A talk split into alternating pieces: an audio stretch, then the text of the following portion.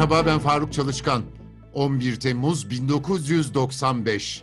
Bu tarih takvim yapraklarında öylesine işaretlenebilecek bir gün değil. İnsanlık tarihinin en acı, en kara ve en utanılacak günlerinden birisi. 1992'den beri Srebrenica'yı kuşatma altında tutan Sırplar o gün şehrin son direniş noktalarını da yararak şehre girdi. Hepimiz dünya televizyonlarına yansıyan o görüntüleri hatırlıyoruz. Bir umut diyerek şehri tırnak içinde korumak için görevlendirilmiş Birleşmiş Milletler Merkezi'ne sığınmaya çalışan kadınlar, yaşlılar, çocuklar, gençler. Türklerden intikamımızı bugün aldık diye konuşan Sırp Çetnik Ordusu komutanı Ratko Miladic, dağlardan kendilerini Bosna Hersek ordusu kontrolündeki güvenli bölgeye atmaya çalışan Boşnaklar. Hepimiz o görüntüleri hatırlıyoruz. Bugünkü podcast yayınımızda o günleri bizzat Bosna'da yaşamış bir meslektaşım, bir arkadaşım var. Anadolu Ajansı Boşnakça, Hırvatça, Sırpça servisinin başındaki Hakan Çelik. Srebrenica'yı soykırımı, Marş Mira'yı yani neler oldu ve belki de daha da önemlisi neler olacağını onunla konuşacağız. Hakan hoş geldin. Kısaca o günleri Bosna'da yaşamış birisi olarak bize 1992'deki savaşın başından 11 Temmuz 1995 gününe kadar olanları kısaca bir özetler misin? 1991 yılı, 92 yılı Bosna Hersek'te e, senin söylediğin insanlık tarihinin kara sayfaları, kara günleri, kara ayları ve hatta kara yılları olarak muhakkak kayıtlara geçmesi lazım. Avrupa'nın göbeğinde, medeniyetin beşiği denilen Avrupa'nın göbeğinde, Avrupa Birliği'nin varlığında, Birleşmiş Milletler'in varlığında ve e, NATO'nun varlığında bütün dünyanın göz önünde e, katliamlar ve soykırımlar yaşandı. 92 e, yılında Bosna Hersek'in dağılan artık parçalanan hiçbir şekilde ayakta kalması mümkün olmayan Yugoslavya'dan ayrılmasının ardından hem ülke içerisinde gizli gizli Sırp ordusu ve Sırp istihbaratı tarafından silahlandırılmış Sırplar, e, aynı zamanda Sırbistan'dan gelen e, Çetnikler, paralı askerler, hafta sonları savaşçıları, mercenary'ler yani e, bunlar Bosna Hersek'e saldırı gerçekleştirdiler. Tabii sembol olmuş bazı şehirler var. Srebrenica bunlardan birisi, Saraybosna bunlardan birisi e, kesinlikle ama kesinlikle burada yaşayan boşnaklar çıplak elleriyle, e, spor ayakkabılarıyla, ayaklarındaki kotlarıyla, kot pantolonlarıyla, teçhizatlar olmadan, silahları olmadan, en önemlisi de herhangi bir askeri bir bilgileri, stratejileri e, olmadan kendilerini savunmaya başladılar. Aslında bu kendi savunma, ülke savunma ve eğer kendileri şehit olursa, düşerlerse arkalarında kalan ailelerini, kadınlarını, çocuklarını, yaşlarını savunma savaşıydı. Srebrenica'nın hikayesi, Srebrenica, Japa ve Gorajda'nın hikayesi aslında bu 92-95 yılındaki savaşın belki de daha doğrusu saldırganlığın içerisinde e, ayrı tutulması gereken üç ayrı nokta. Tamamıyla Doğu Bosna'nın e, etnik olarak ki bu da e, Bosna Hersek'teki soykırım süresince dünya literatürüne kazandırılmış bir kelimedir etnik olarak temizlenmesinden sonra sadece üç nokta kaldı. Sırpların giremediği, alamadığı ve Boşnakların burada hala savunmaya devam ettiği. Bunlardan birisi en küçük olanı Jepa, hemen Sırbistan sınırında, e, öbürküsü Srebrenica ve e, bugüne kadar da e, savaş içerisinde de düşmemiş Sırpların alamadığı Gorajde. E, sistematik bir soykırım vardı. Ben savaşı burada yaşamış birisi olarak şunu çok net söyleyebilirim Faruk Çalışkan kesinlikle olay bir toprak alalım, kendimize bir ülke oluşturalım ya da bir sınır belirtelim değildi. Sınır belirleyelim, burası bizim olsun, orası onların olsun değildi. Temelde Srebrenica, Japa ve Goraj'da ya da Doğu Bosna örneğinde ama genelde Bosna'ya baktığımızda saldırganların, e, Çetniklerin, daha doğrusu o zihniyetin e, en büyük amacı bu toprakları tamamen e, Boşnaklardan, Hırvatlardan daha doğrusu Sırp olmayan unsurlardan temizlemesiydi. Dediğim gibi direnişi tamamen çıplak ellerle, göğüsleriyle yaptılar. Özellikle Srebrenica gibi kuşatma altında olan bir şehre e, silah, mühimmat e, ve daha da kötüsü yiyecek girmesi son derece zordu. E, 1400 günden fazla kuşatma altında kaldı bu şehir. İnsanlar aç kaldılar. E, devamlı olarak bombalar düştü. Okullar bombalandı. E, çocukların oyun alanları bombalandı. Ee, ama 11 Temmuz 95 yılına kadar Srebrenica geldi. Bu süreç içerisinde e, Birleşmiş Milletler'in bir varlığı oldu. 1993 yılında Birleşmiş Milletler Srebrenica'yı güvenli bir bölge ilan etti. Fakat bir müddet sonra bu güvenli bölge ilan etmenin aslında çok da iyi bir fikir olmadığı, daha doğrusu Boşnaklar açısından çok da iyi bir fikir olmadığı ortaya çıktı. Güvenli bölge ilan etmenin şartı şuydu. E, savaşan taraflar e, çatışmaları engellemek için ellerindeki silahları, ağır silahları BM'nin, Birleşmiş Milletler'in emanetine verecekler e, ve Birleşmiş Milletler askerleri onları koruyacak. Srebrenica için e, bu belirlenen asker sayısı hepimizin bildiği daha sonra mahkemeler süreçlerini duyduğumuz Hollanda Birliği'ydi. Yaklaşık 600 kişiydi tam olarak e, yanlış değilsem rakamları. Yani 600 kişi o şehre toplanmış. E, Doğu Bosna'daki diğer köylerden, kasabalardan, Sırp kasaplarından, Çetlik saldırganlarından, katillerinden kaçarak gelmiş, toplanmış yaklaşık 25-30 bin kişiyi korumak için 600 kişi belirlenmişti. Ama e, bu, bu da tutmadı. Daha doğrusu Birleşmiş Milletler, uluslararası camia verdikleri sözleri yerine getirmediler. E, Srebrenica'nın düşüşü, e, açıkça söyleyeyim ben orada, burada Saraybosna'da yaşayan birisi olarak e, aslında 11 Temmuz'da Srebrenica düştü haberi ilk Sırp basınında, Sırp televizyonlarında çıktığında çok inanmamıştık. Çünkü Sırpların propaganda amacı olarak her 15 günde bir, her ayda bir e, Doğu Bosna'daki Srebrenica'nın ya da Jepa'nın ya da Gorajde'nin düştüğü şeklindeki propagandadan alışıktık. O yüzden ilk etapta bize çok da doğru da gelmedi. Çünkü destansı bir mücadele veren o halkın başlarındaki komutanlarıyla, e, sivilleriyle, kadınlarıyla, çocuklarıyla düşmeyeceğine inanıyorduk. Ama 6 Temmuz'da Sırpların ağır silahlarından yoksun, 40 küsur aydır 1400 1400'den fazla gündür aç kalmış, kuşatma altında kalmış bir halka karşı başlattığı topyekün bir saldırı. Tamamıyla e, her türlü ağır silahları yasaklanmış, mermileri kullanılarak başlattıkları saldırı 5 gün sonra e, Sırplar açısından e, neticesini verdi e, ve 11 Temmuz günü Srebrenica e, Sırpların eline geçti. Unutulmayacak sahneler var. E, özellikle e, Sırp Çetlik Ordusu Komutanı Ratko Mladić'in e, Sırp televizyonu yaptığı açıklama var. Bugün Türklerden 500 yıllık intikamını intikamımızı aldık şeklinde bir açıklaması var. Bu da dediğim gibi bize şunu aslında çok net olarak gösterdi. Kesinlikle ama kesinlikle amaçları herhangi bir şehri almak, toprak almak, bir kazanımda bulunmak değil, intikam almak ve boşnakları tamamen bu topraklardan silmekti. Şehri aldılar. Ondan sonra ne oldu?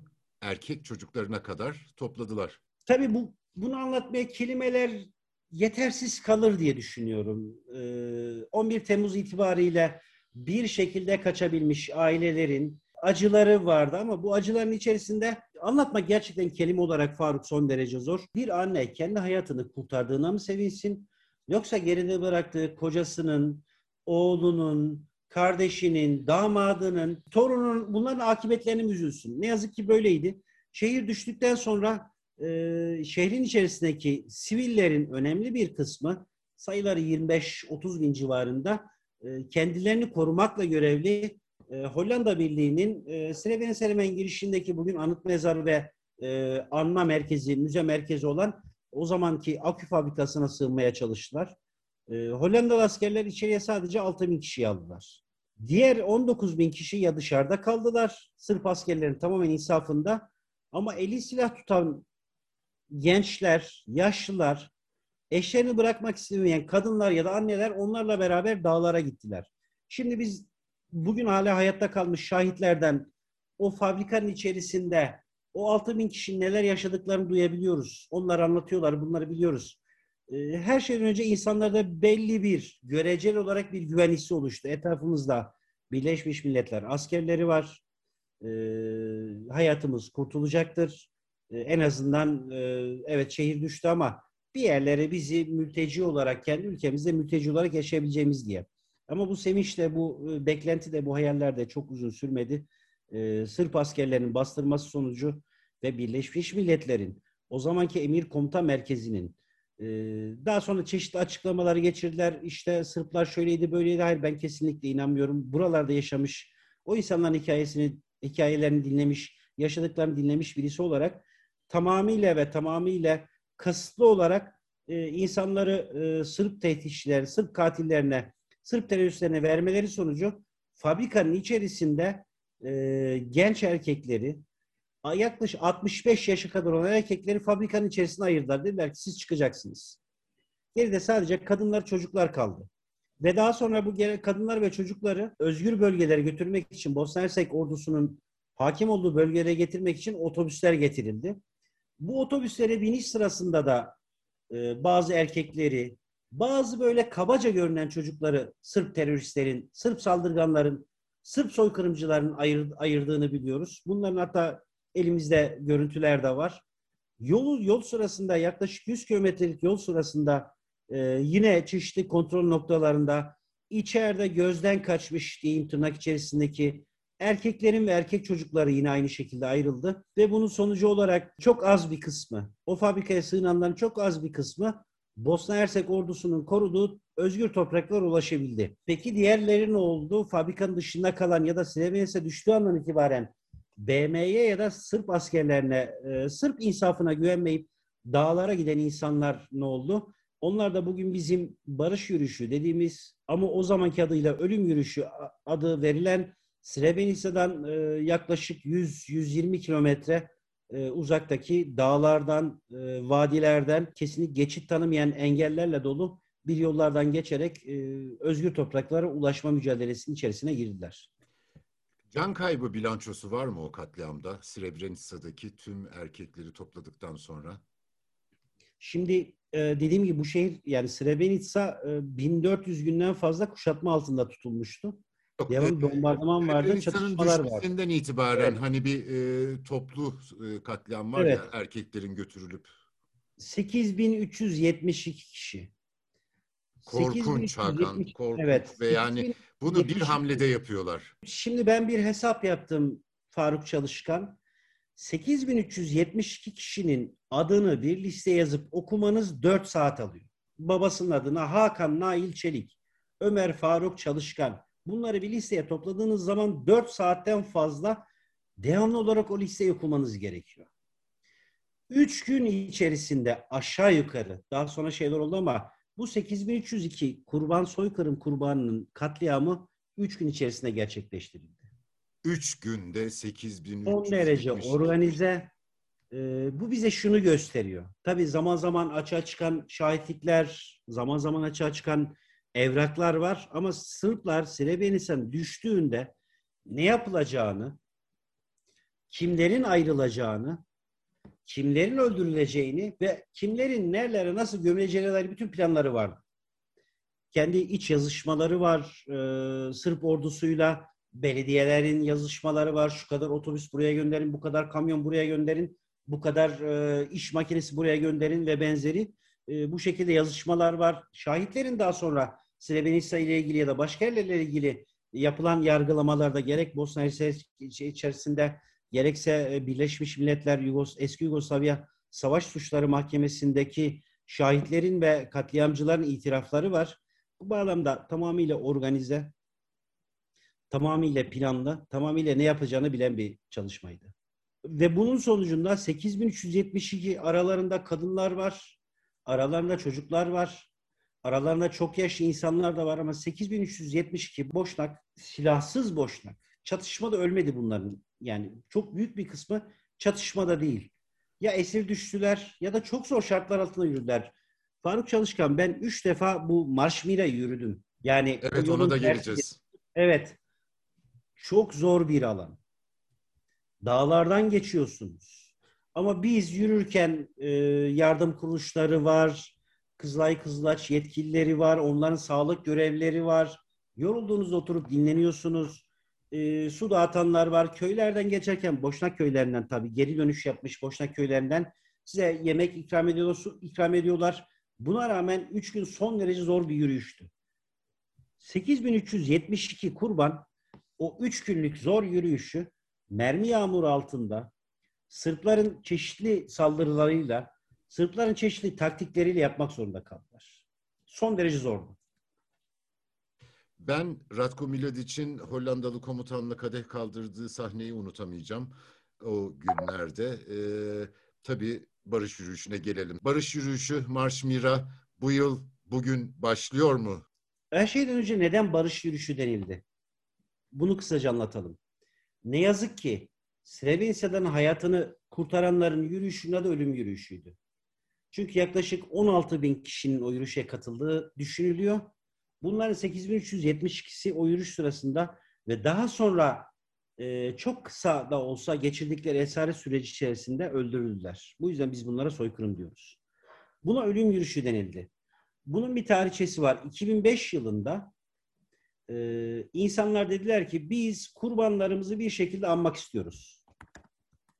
Ve bunu anmanın da en iyi yöntemi ve biz buraya dönüş yapmak istiyoruz. Buralar bizim topraklarımız.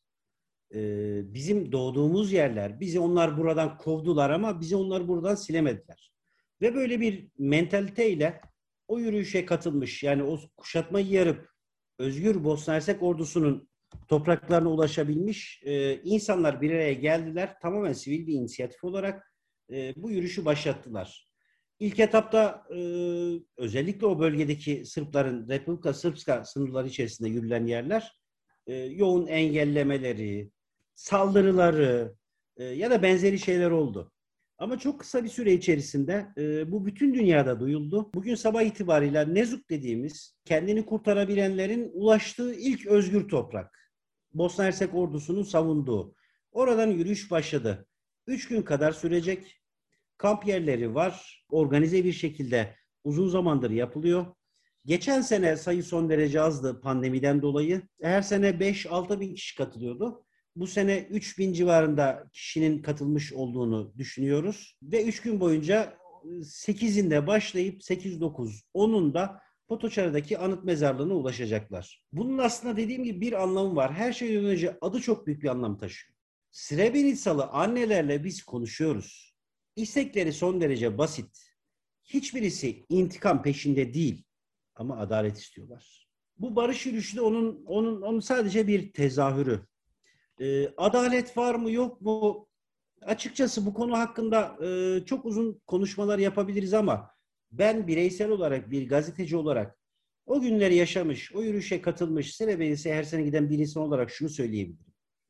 Kimse bütün Sırp halkının yargılanamayacağı konu, bunu düşünmüyor. Bu konuda hemfikiriz. Adalet nasıl sağlanır? Bu işi organize eden, bu işi planlayanlar, bunların gerekli cezalara çarptırılması lazım. Birkaç tane Ratko Mladic gibi, Karacic gibi evet son derece önemli. Bunlar bunlar evet cezalandırdılar, e, ömür boyu hapis cezası aldılar. E, bunlar son derece önemli.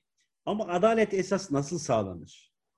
Bu Srebrenica'da katliam yapan zihniyetin Sırpların üzerinden, Sırpların zihinlerinden temizlenmesiyle sağlanır. Ben devamlı olarak verdiğim bir örnek var. Burada sana da onu söyleyeyim. İkinci Dünya Savaşı'ndan sonra biliyorsun Nürnberg yargılamaları vardı. Evet. Bütün bir Alman halkını yargılamadınız, yargılayamazsınız. Ne yazık ki bu bir gerçek, hayatın bir gerçeği. Ama orada Nazizmin, o soykırım yapan, katliam yapan Nazizmin önemli ideologlarını, önemli askerlerini, subay generallerini yargıladılar. Fakat ikinci bir adım daha atıldı. Avrupa'da tekrar bu olmasın diye. Nazizmle ilgili okullara dersler koydular. Ne kadar kötü olduğunu gösteren, anlatan dersler koydular.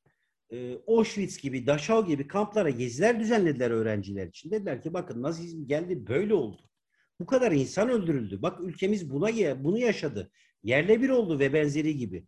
Ben adaletin, Srebrenica'daki mazlumların istediği adaletin e, işte bu şekilde bir uygulamayla yapılabileceğine inanıyorum. Yani biz bu topraklarda, Bosna Hersek'te, Balkanlarda tekrar bir savaşın çıkmayacağına, tekrar birilerinin eline silah alıp kendi kapı komşusunu öldürmeyeceğini, onu yerinden etmeyeceğine emin olmamız lazım.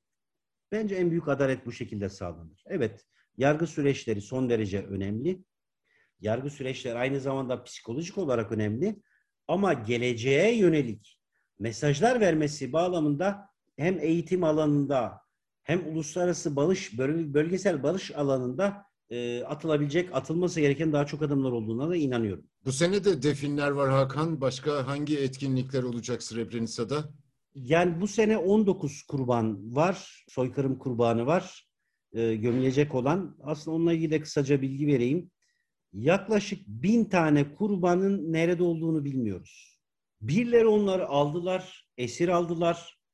Farklı bölgelerde onları katlettiler ve farklı bölgelere gömdüler. Ama işte onu yapan birileri kurbanların ailelerine ya da devlet makamlarına gidip de efendim bu kadar insan burada bunu demiyor. Yani bin kadar soykırım kurbanının henüz nerede olduğu belli değil. Faruk Çalışkan bu şunu gösteriyor. Bin aile her kapı çalınışında, her bir ayak sesi duyduklarında, her bir postacı mektup getirdiğinde acaba oğlumdan, acaba kocamdan, acaba babamdan, acaba torunumdan bir haber mi geldi şeyle hale yaşıyor. Bu sene 19 kurban gömülecek. En genci 16 yaşında. Bir baba ve bir oğul yan yana gömülecek.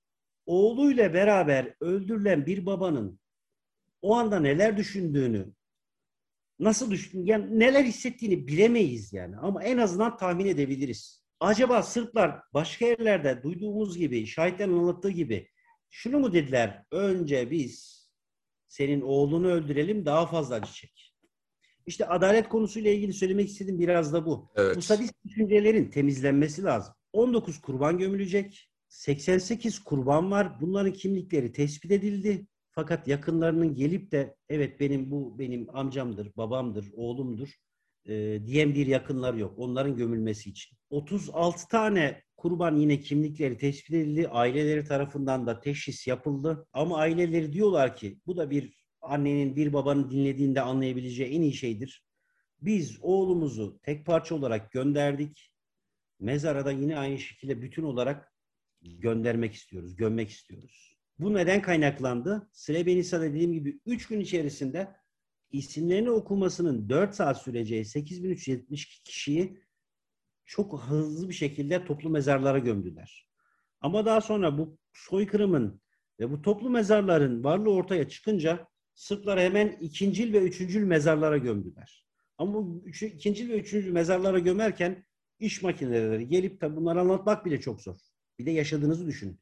İş makineleri gelip o ilk gömülen birincil toplu mezarları kamdı, kazdılar. E, kepçenin birisi bir tanesini aldığı toprağın birini bir kamyona birini bir kamyon attı. Böylece cesetlerin bütünlüğünü de parçalamış oldular. O yüzden biz konuştuğumuz insanlardan bunu artık son zamanlarda çok fazla duyuyoruz. İşte babamın ya da oğlumun ya da kardeşimin bir parçası şurada, bir parçası oradan 40-50 kilometre ileride, bir parçası 100 kilometre ileride mezarlardan çıktı. Nasıl bir etkinlik olacak? Aslında Srebrenica 11 Temmuz tabii merkezi etkinlik ama bir aya yayılan bir süreç içerisinde yapılan anma etkinlikleri var. Workshoplar düzenleniyor. Srebrenica Anma Merkezi e, önderliğinde bu workshoplarda özellikle soykırımla ilgili çeşitli faaliyetler yapılıyor. Bununla ilgili uzmanlar geliyorlar, ders veriyorlar. İşte aslında bu da az önce söylediğim gibi adaletin oluşturulması bağlamında ya da soykırıma yönelik farkındalık oluşturması bağlamında önemli bir etkinlik. 11 Temmuz günü bu sene 26.sı anma törenleri düzenleniyor. 10 Temmuz günü Viseko'daki kurbanlar törenler eşliğinde Saraybosna'ya getirilecek. Burada Cumhurbaşkanlığı Sarayı'nın üzerinde devlet görevlileri, e, kurban yakınları ve halk tarafından uğurlama merasimi yapılacak. O gün Srebrenica'ya götürülecek. Ertesi gün onlar Potoçari'deki anıt mezarlığa getirecekler. Konuşmalar yapılacak. Kur'an-ı Kerim okunacak. Daha sonra 11 Temmuz öğle namazından sonra da e, kılınacak toplu cenaze namazıyla 19 Srebrenica soykırım kurbanı toprağa verilecek. Hakan Çelik son olarak kısaca yeni Srebrenica'lar olmaması için ne yapılması gerekir? 26 yıllık perspektifle ne diyebiliriz? Aslında sorunun cevabı hem kolay hem son derecede zor. Yeni Srebrenica'lar yapılmaması için birkaç kez üzerinde durduğum Srebrenica'ya getiren zihniyetlerin tamamıyla yeryüzüne silinmesi lazım. Başta Sırbistan olmak üzere başta Sırbistan'ın yetkilileri, Cumhurbaşkanı, Başbakanı, milletvekilleri olmak üzere önemli bir görev düşüyor. Tarihi sorumlulukları almaları lazım. Bu topraklarda sadece Bosna Hersek değil, Balkanlarda yeniden savaşların çıkmaması için neler yapılabilir? Bunun bir araya gelip konuşmaları lazım. Artık yani bu topraklar içer- içerisinde Balkanlarda tekrar bir gerilimin, etnik tansiyonun e, çıkmaması için insanların bir araya gelip konuşmaları lazım. Devletlerin bir araya gelip konuşmaları lazım ama en önemlisi de kendi sorumluluklarını alması lazım. Sırbistan'ın bu konuda atacağı önemli adımlar var. Bu adımlardan en önemlisi de şu andaki Cumhurbaşkanı Vučić kendi iç kamuoyunun tepkilerini bir kenara bırakıp Srebrenica'nın soykırımı olduğunu tanıması ve bu konuyla ilgili de Sırbistan o zamanki yeni Yugoslavya ya da Yugoslavya'nın yaptıklarından özür dilemesi lazım. Ve o yapılanları telafi edici ad- adımlar atmaları lazım. Bunlar olmadan gerçekten e, önümüzdeki yıllarda çok karamsar olmak istemiyorum ama çok ümit ver, veren de olmak istemiyorum. Önümüzdeki yıllarda yeni Srebrenicalar olmaması için neler yapmamız gerekiri daha uzun süre konuşmaya devam edeceğiz Faruk Çalışkan. Saraybosna'dan Anadolu Ajansı'nın Boşnakça, Hırvatça, Sırpça servisinin editörü Hakan Çelik'i dinliyorduk. Kendisine teşekkür ediyorum. Bütün bu anlattıkları için bizi hangi mecrada dinliyorsanız orada abone olmayı lütfen unutmayın. Hoşçakalın.